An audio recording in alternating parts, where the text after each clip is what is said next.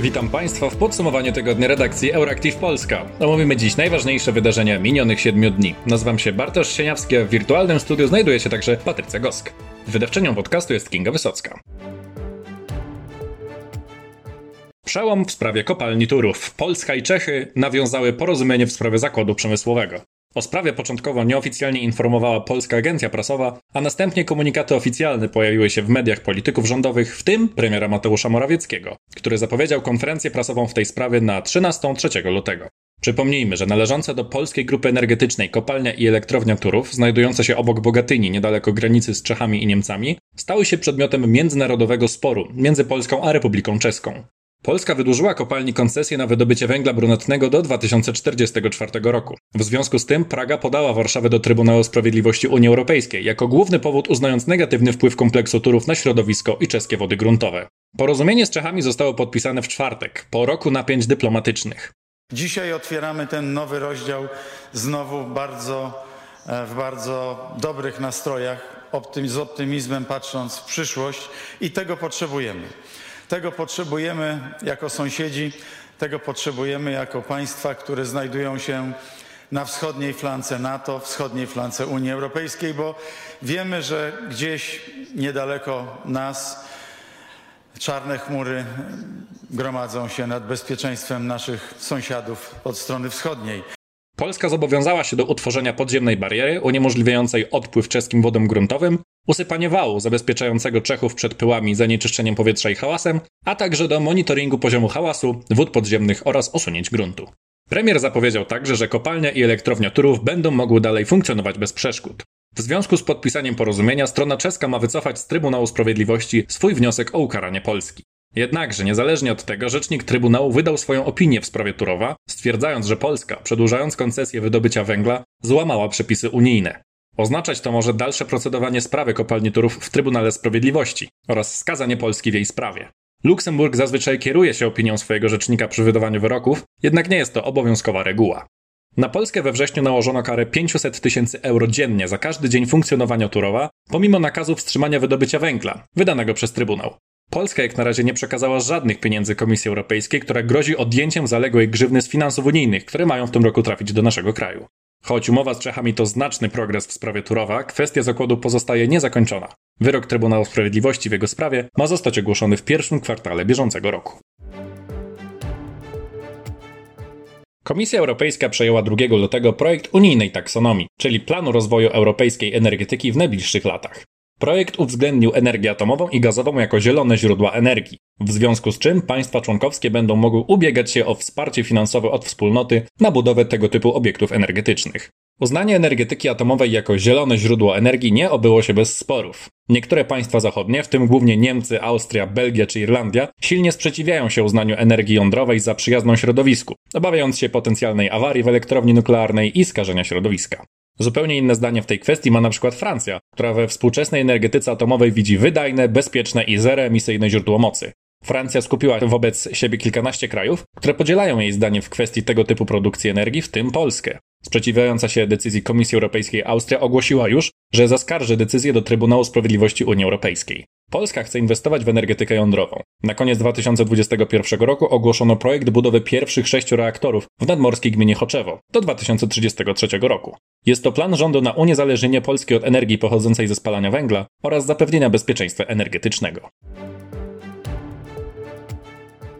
Norweski skrajnie prawicowy terrorysta i masowy morderca Anders Breivik wraz ze swoimi obrońcami zgłosił do sądu wniosek o przedterminowe zwolnienie z więzienia. Sędziowie z okręgu Telemark w południowej Norwegii, gdzie rozpatrywana była sprawa, jednogłośnie uznali Breivika, obecnie posługującym się nazwiskiem Fjotolf Hansen, za wciąż niebezpiecznego dla społeczeństwa i odrzucili jego wniosek. Breivik jest odpowiedzialny za dwa zamachy terrorystyczne, które miały miejsce w Norwegii w 2011 roku. Najpierw podłożył bombę pod siedzibę premiera w Oslo, w wyniku detonacji której zginęło 8 osób, a 209 zostało rannych. Następnie tego samego dnia w przebraniu policjanta udał się na położoną niedaleko wyspę Utoja, gdzie odbywał się letni obóz młodzieżówki lewicowej Partii Pracy. Początkowo Breivik udawał policjanta, mającego zabezpieczyć wyspę w związku z zamachem w stolicy kraju, jednak szybko wyciągnął broń i zabił 69, w większości nastoletnich, uczestników obozu.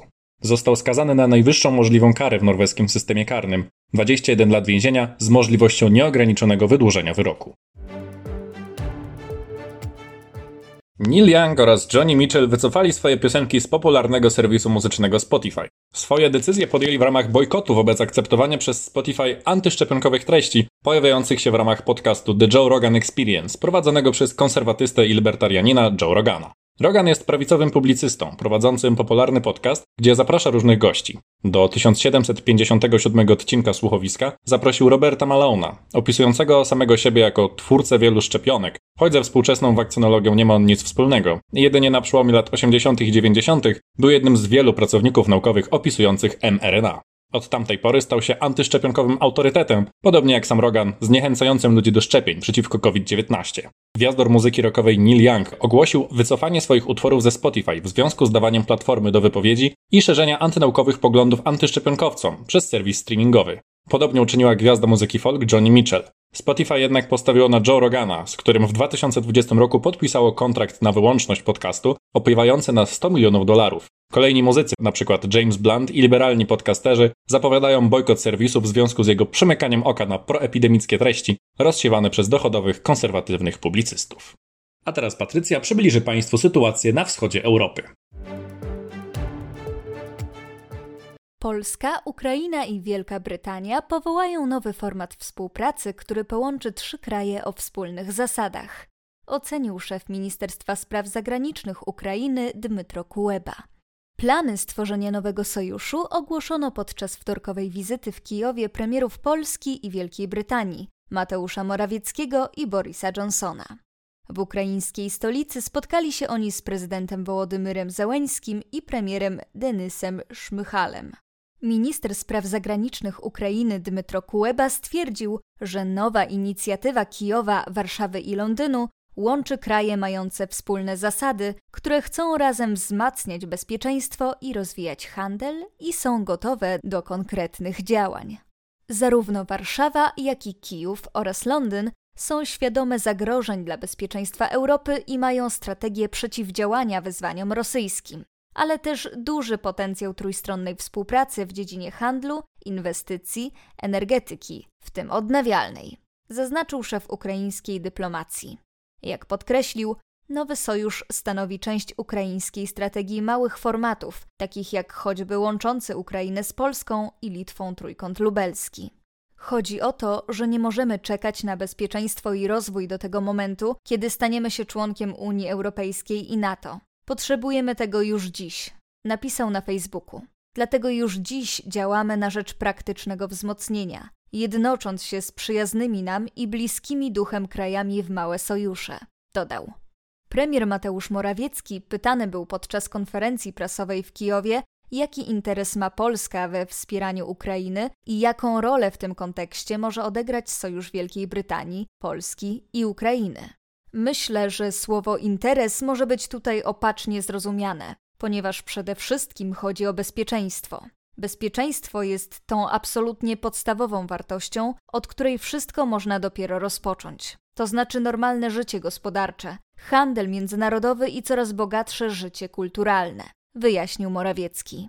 Walka o bezpieczeństwo w regionie jest naszą wspólną sprawą. Jest sprawą całej Unii Europejskiej, podkreślił.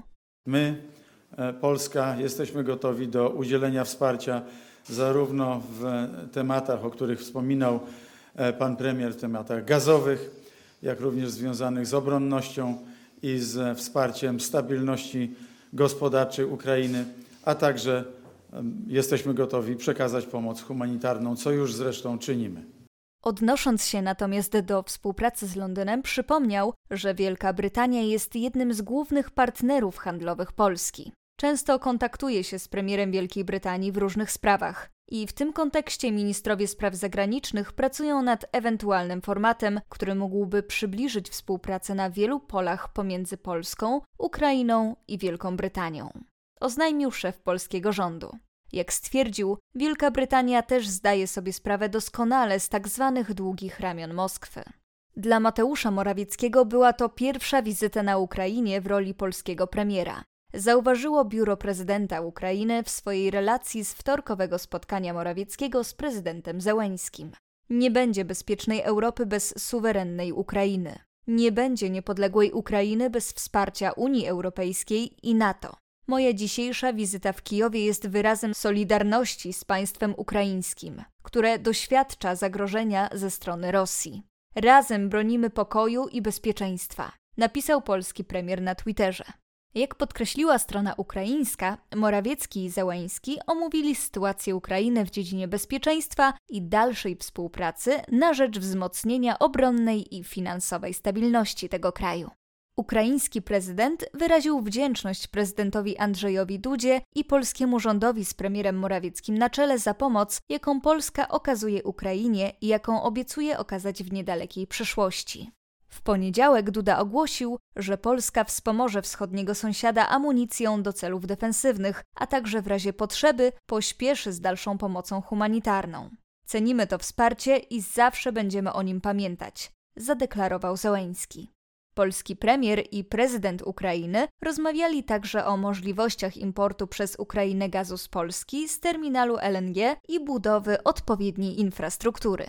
Nie zabrakło również tematu gazociągu Nord Stream 2. Morawiecki, Zełański oraz premier Szmychal zgodzili się co do konieczności dalszego przeciwdziałania przesyłowi gazu tą drogą. Morawiecki zwrócił się w tej sprawie do Niemiec. Nord Stream 2 stanowi potężne zagrożenie dla pokoju w całej Europie. Apelujemy wspólnie do Niemców, by nie otwierali tego gazociągu, ponieważ poprzez jego otwarcie zwiększą się możliwości szantażu i prowadzenia wojny ze strony Rosji. Tymczasem za sprawą decyzji prezydenta Joe Bidena wzrośnie liczebność amerykańskich żołnierzy na wschodniej flance NATO.